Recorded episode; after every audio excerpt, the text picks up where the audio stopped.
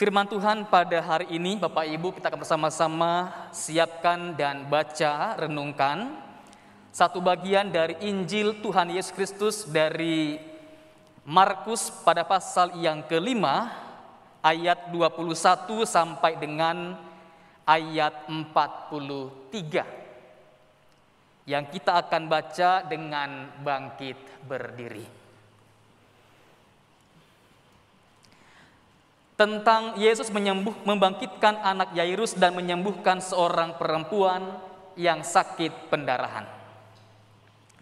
Sesudah Yesus menyeberang lagi dengan perahu, orang banyak berbondong-bondong datang lalu mengerumuni dia. Sedang ia berada di tepi danau. Datanglah seorang kepala rumah ibadat yang bernama Yairus.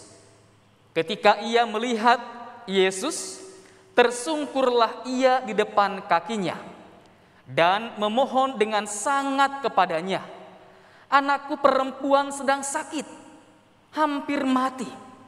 Datanglah kiranya dan letakkanlah tanganmu atasnya, supaya ia selamat dan tetap hidup." Lalu pergilah Yesus dengan orang itu. Orang banyak berbondong-bondong mengikuti dia dan berdesak-desakan di dekatnya. Adalah di situ seorang perempuan yang sudah 12 tahun lamanya menderita pendarahan.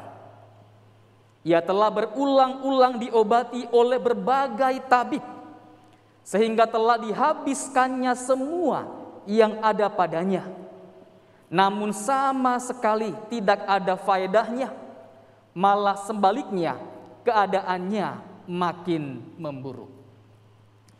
Dia sudah mendengar berita-berita tentang Yesus. Maka di tengah-tengah orang banyak itu ia mendekati Yesus dari belakang dan menjamah jubahnya.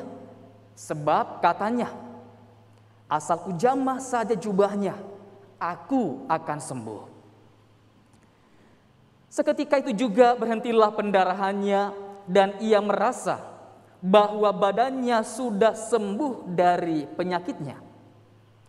Pada ketika itu juga Yesus mengetahui bahwa ada tenaga yang keluar dari dirinya. Lalu ia berpaling di tengah orang banyak dan bertanya, "Siapa yang menjamah jubahku?" Murid-muridnya menjawab, "Engkau melihat bagaimana orang-orang ini berdesak-desakan dekatmu." Dan engkau bertanya, siapa yang menjamah aku? Lalu ia memandang sekelilingnya untuk melihat siapa yang telah melakukan hal itu. Perempuan itu yang menjadi takut dan gemetar ketika mengetahui apa yang telah terjadi atas dirinya, tampil dan tersungkur di depan Yesus dan dengan tulus memberitahukan segala sesuatu kepadanya. Maka katanya kepada perempuan itu, "Hai anakku, imanmu telah menyelamatkan engkau. Pergilah dengan selamat dan sembuhlah dari penyakitmu." Ketika Yesus masih berbicara dengan berbicara, datanglah orang dari keluarga kepala rumah ibadah itu dan berkata, "Anakmu sudah mati. Apa perlunya lagi engkau menyusahkan guru? Tetapi Yesus tidak menghiraukan perkataan mereka dan berkata kepada kepala rumah ibadat, "Jangan takut, percaya saja." Lalu Yesus tidak memperbolehkan seorang pun ikut serta, kecuali Petrus, Yakobus, dan Yohanes, saudara Yakobus. Mereka tiba di rumah kepala rumah ibadat dan di sana dilihatnya orang-orang ribut, menangis dan meratap dengan suara nyaring. Sesudah ia masuk, ia berkata kepada orang-orang itu, "Mengapa kamu ribut dan menangis? Anak ini tidak mati, tetapi tidur." Tetapi mereka menertawakan dia. Maka diusirnya semua orang itu, lalu dibawanya ayah dan ibu anak itu dan mereka yang bersama-sama dengan dia masuk ke kamar anak itu. Lalu dipegangnyalah tangan anak itu katanya, talitakum, yang berarti hai anak, aku berkata kepadamu, bangunlah. Seketika itu juga anak itu bangkit berdiri dan berjalan, sebab umurnya sudah 12 tahun. Semua orang yang hadir sangat takjub. Dengan sangat ia berpesan kepada mereka supaya jangan seorang pun mengetahui hal itu. Lalu ia menyuruh mereka memberi anak itu makan. Demikianlah Injil Tuhan Yesus Kristus. Berbahagia mereka yang mendengarkan firman Allah dan yang memeliharanya. Haleluya.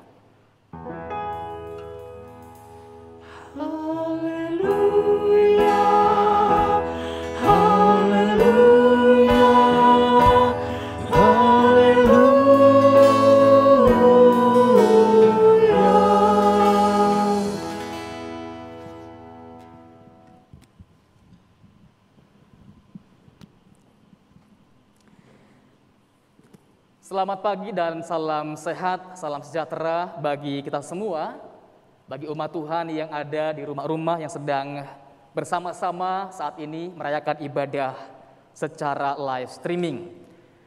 Ibadah pada hari ini mengangkat tema jangan menyerah meski tak mudah. Jangan menyerah meski tak mudah. Saudara, ada sebuah lagu populer yang dinyanyikan oleh sebuah grup band, grup band The Massive, yang judul lagunya kira-kira sama dengan tema kita pada hari ini, yakni Jangan Menyerah. Sambil kita memikirkan atau merenungkan bait yang di apa digubah dalam lagu ini, saya nyanyikan satu bagian awal begitu ya dari lagu ini sebuah e, lirik yang sangat e, baik pesannya untuk kita bersama-sama renungkan. Boleh dibantu Bro Kaleb ya?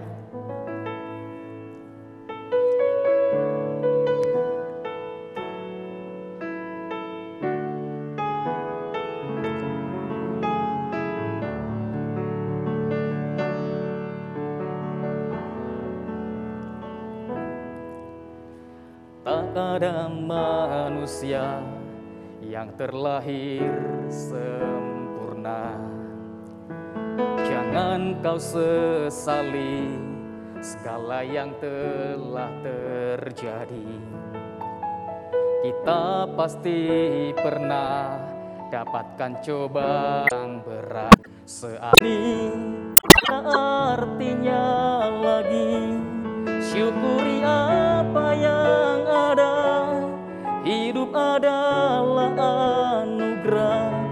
Tetap jalani hidup ini Melakukan yang terbaik. Jangan menyerah Jangan menyerah Jangan menyerah. Jangan menyerah Jangan menyerah Jangan menyerah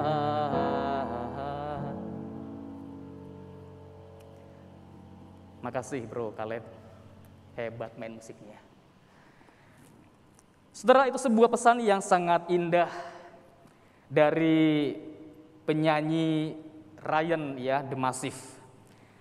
Lagu ini diinspirasi dalam sebuah peristiwa ketika mereka konser di rumah sakit Darmais.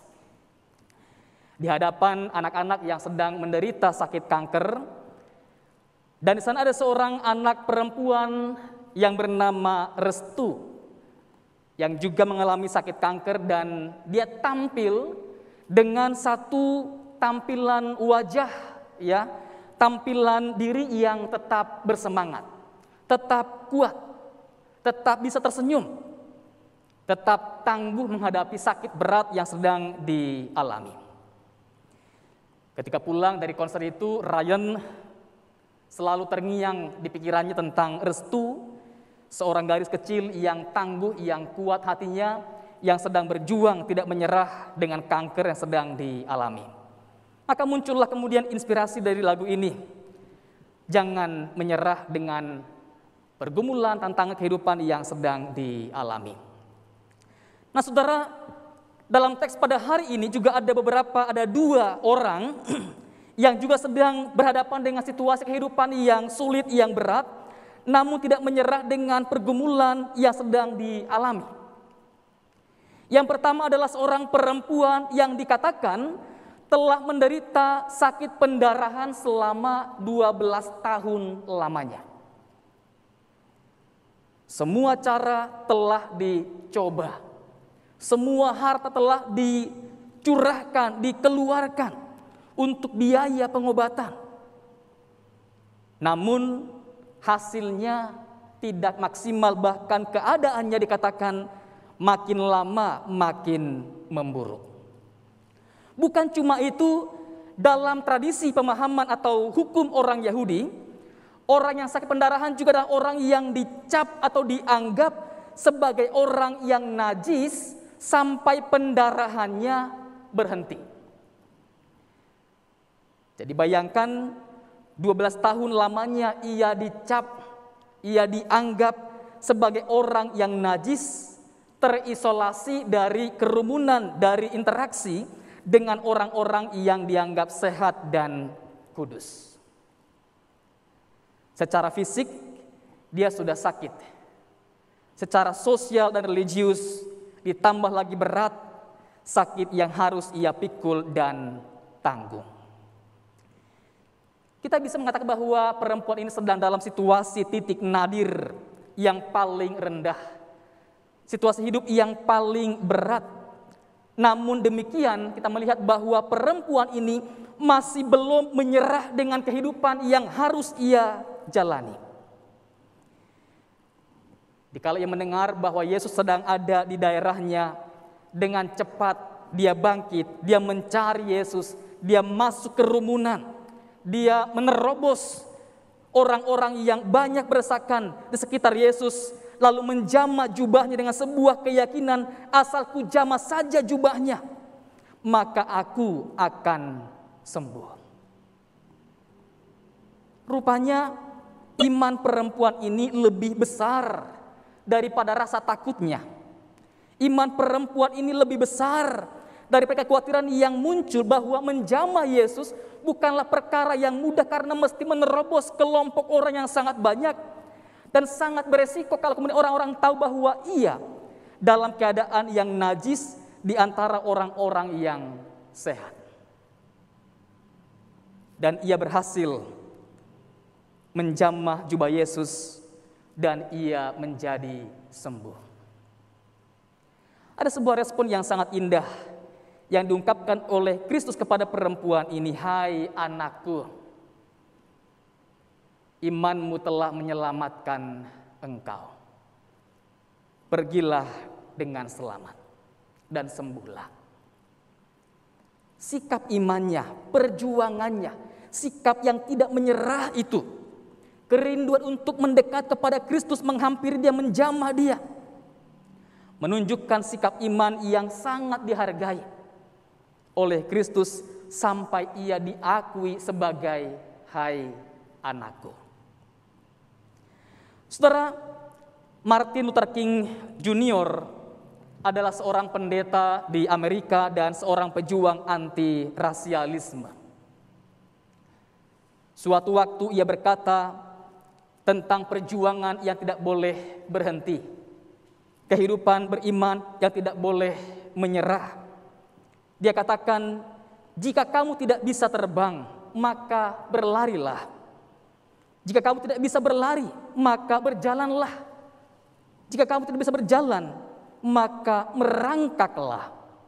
Tetapi apa pun yang kamu lakukan, kamu harus bergerak terus untuk mendapatkan kemajuan. Orang beriman memang tidak boleh berhenti dalam perjuangan imannya. Apalagi mengalami kemunduran, mundur pada kehidupan yang lama, yang berdosa. Apa pun yang baik, kerjakanlah, lakukanlah untuk membawa kita pada kehidupan yang makin maju, kehidupan yang makin berubah dan bertumbuh. Saudara, saat ini mungkin banyak orang di antara kita yang sedang dalam situasi sama seperti perempuan ini, situasi titik nadir, situasi yang paling rendah, yang paling sulit. Entah mungkin karena sakit penyakit yang sedang melanda banyak orang di antara kita. Entah mungkin karena anak-anak kita yang sudah mulai lelah, sudah mulai jenuh dengan sistem belajar yang selalu berhadapan dengan benda mati, dengan gadget, dengan gawai, tanpa canda tawa bersama-sama dengan teman. Entah mungkin kawan-kawan muda, orang-orang dewasa yang sedang merintis usaha, dan semua modal telah dikeluarkan untuk membangun usaha. Namun, apa yang dibayangkan di awal tidak sama dengan apa yang sedang terjadi, bahwa usaha yang dirintis terganjal oleh karena pandemi yang makin rumit, makin sulit kita hadapi saat ini. Belum lagi mungkin mesti mengembalikan utang-utang yang harus dikembalikan sebagai sebuah kewajiban yang harus dipikul, tanggung jawab yang harus diselesaikan. Atau mungkin juga oma kita yang sedang merasa semakin kesepian karena lost kontak dengan teman-teman sebaya, tanpa juga ada teman yang seimbang untuk bercerita dan berbagi pengalaman untuk saling menguatkan. Namun saudara, bagaimanapun keadaan kita saat ini, janganlah berpikir untuk menyerah. Dikala kita merasa ini situasi yang paling sulit, dikala kita merasa tidak punya apa-apa lagi untuk dapat diandalkan dalam hidup ini, maka saudara-saudara saatnya untuk datang pada Tuhan, mendekat kepada Tuhan dan menjamah jubah Tuhan, jubah kemurahan hati Tuhan. Dan percayalah bahwa perjuangan yang demikian, sikap iman yang demikian, sungguh-sungguh akan dihargai oleh Tuhan. Dan kita akan mengalami lawatan Tuhan, pertolongan Tuhan, pemulihan dari Tuhan. Lalu yang kedua, saudara-saudara, seorang lagi yang lain pejuang iman yang tampil dalam teks pada hari ini adalah seorang kepala rumah ibadat yang bernama Yairus. Kalau perempuan yang pendarahan tadi datang pada Tuhan ketika semua sudah sia-sia, ketika semua yang dimiliki sudah habis, terkuras. Maka Yairus datang kepada Tuhan Justru ketika ia sedang memiliki segala sesuatu. Dia seorang kepala rumah ibadat, seorang yang sangat terhormat, seorang yang berprestasi dalam kehidupan sosial, kehidupan religius, dan seorang yang tentu punya penghidupan yang baik, yang layak bersama-sama dengan keluarganya. Namun demikian Yairus tetap tidak luput dari masalah yang berat. Dia punya masalah lain yang sulit, yang berat yang harus dia hadapi dan atasi. Anak perempuannya yang berusia 12 tahun sedang sakit keras dan katakan hampir mati. Dalam teks Injil Lukas diungkap bahwa perempuan ini adalah anak satu-satunya yang dimiliki oleh Yairus yang sungguh-sungguh ia sangat cintai dan kasihi. Dan sebagai orang tua yang baik tentu Yairus tahu bahwa kehidupan anaknya jauh lebih penting, jauh lebih berharga daripada segala apa yang telah ia berhasil raih dalam prestasi karirnya. Keselamatan anaknya jauh lebih penting daripada hartanya, daripada jabatannya, daripada kesuksesan prestasi yang ia miliki. Sehingga ia kemudian juga melakukan tindakan di luar kewajaran demi memperjuangkan kehidupan anak yang ia kasihi. Perhatikan bahwa ketika pemuka agama Yahudi yang lain terang-terangan dengan sebuah konfrontasi terbuka menolak membenci Yesus, Yairus justru datang mencari Yesus dan ketika ia berjumpa dengan Yesus kemudian ia berlutut, dia tersungkur di depan kaki Tuhan Yesus.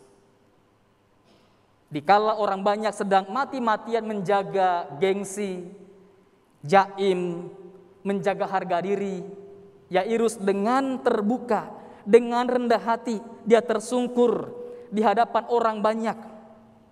Tersungkur di depan kaki Tuhan Yesus. Nampak bahwa ia siap. Ya, ia siap apa tindakannya menjadi viral, diketahui oleh orang banyak, diketahui oleh pemimpin agama Yahudi dan ia siap untuk kehilangan jabatannya asalkan ia mendapatkan belas kasihan dari Tuhan Yesus. Sangat jelas bahwa Yairus ini menunjukkan sikap iman yang sangat teguh kepada Kristus.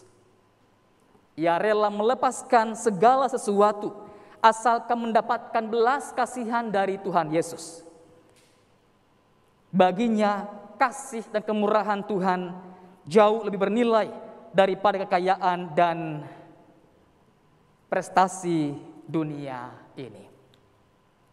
Saudara-saudara, puji Tuhan bahwa dalam dua minggu terakhir ini, saya dan istri telah menimang-nimang seorang bayi, bayi laki-laki yang orang bilang ganteng, bahkan lebih ganteng dari bapaknya, bapaknya kalah ganteng daripada anaknya, begitu ya. Jadi bersyukur sekali di usia pernikahan kami yang ke enam setengah tahun kami dikaruniakan seorang anak yang lahir dengan keadaan yang sehat dan baik. Jadi kami sudah punya pengalaman sama seperti Bapak Ibu, e, nimang-nimang bayi, kemudian apa e, nyusu begitu ya, istri yang menyusui bukan saya menyusui begitu ya. Kemudian e, ganti popok, ya, e, bersihkan pup, kemudian ngejemur bayi e, dan lain sebagainya. Jadi kami sudah punya pengalaman sama seperti yang sudah Bapak Ibu juga uh, alami. Puji Tuhan untuk uh, seluruh doa-doa perhatian yang Bapak Ibu sudah berikan dan kami dianugerahkan anugerah yang luar biasa. Namun kami belum punya pengalaman seperti apa yang dialami oleh Yairus ketika anak harus sakit dan dalam keadaan yang sangat kritis.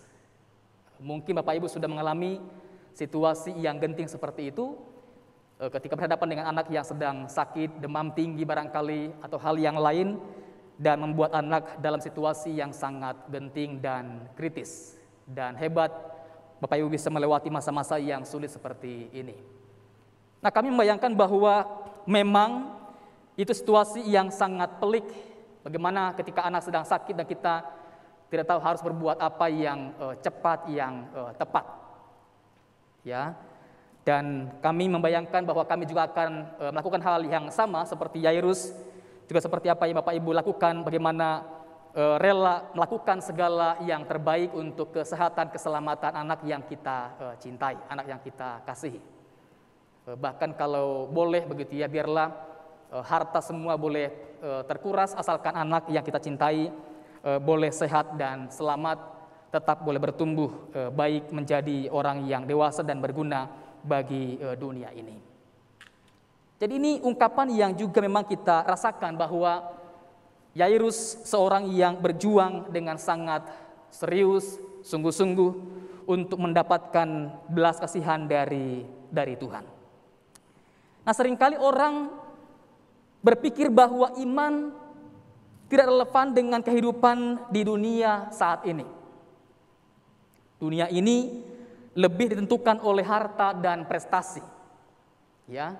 Jadi kalau orang punya jabatan yang baik, pekerjaan yang baik, punya penghasilan yang baik, maka dunia ini akan terasa sangat baik. Ya jauh dari penderitaan. Padahal nggak selalu. Nggak selalu demikian begitu ya. Dan iman merupakan sesuatu yang sangat penting, yang sangat menentukan dalam kita menghadapi situasi-situasi yang paling pelik, situasi yang paling sulit dalam kehidupan ini. Paulus dalam 1 Petrus pasal 5 ayat 9 mengatakan lawanlah dia. Ya, lawanlah dia. Dia siapa? Iblis dan semua godaannya. Lawanlah dia dengan iman yang teguh sebab kamu tahu bahwa semua saudaramu di seluruh dunia menanggung penderitaan yang sama. Semua orang menanggung penderitaan yang sama seperti yang kita tanggung.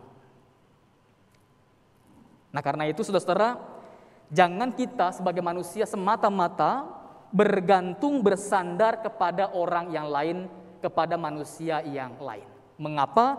Karena semua orang mengalami hal yang sama. Penderitaan yang sama, masalah yang sama berat, dan semua orang sedang berjuang untuk menghadapi masalah mereka masing-masing. Maka jangan bergantung, jangan bersandar kepada manusia. Lawanlah dia dengan iman yang teguh. Ini yang benar, ya. Berjuanglah, bertarunglah bersama dengan Tuhan dengan mengandalkan iman yang teguh. Setelah artinya bahwa iman itu sesuatu yang sangat relevan untuk kehidupan di zaman sekarang ini. Iman itu memberi kita kekuatan yang baru, semangat yang panjang, pengharapan yang panjang untuk terus boleh bertahan, terus boleh berjalan, terus boleh berjuang menghadapi dan melewati seluruh tantangan kehidupan yang ada yang muncul dalam kehidupan kita. Saudara, ada orang yang datang kepada Tuhan ketika seluruh apa yang ia miliki habis dan sirna. Dikala seluruh upaya manusia telah mentok dan sia-sia. Tidak masalah. Dikala memang semua usaha manusia, semua kelemahan kita telah nyata, datanglah pada Tuhan karena dalam kelemahanmu lah maka kuasa Allah akan menjadi sempurna dalam hidupmu. Ada juga orang seperti Yairus datang pada Tuhan dikala mendapatkan semua hal dan tidak mau kehilangan apa yang sudah dimilikinya dalam kehidupannya. Tidak masalah juga. Dalam sukacita, dalam keberhasilan, datanglah juga pada Tuhan.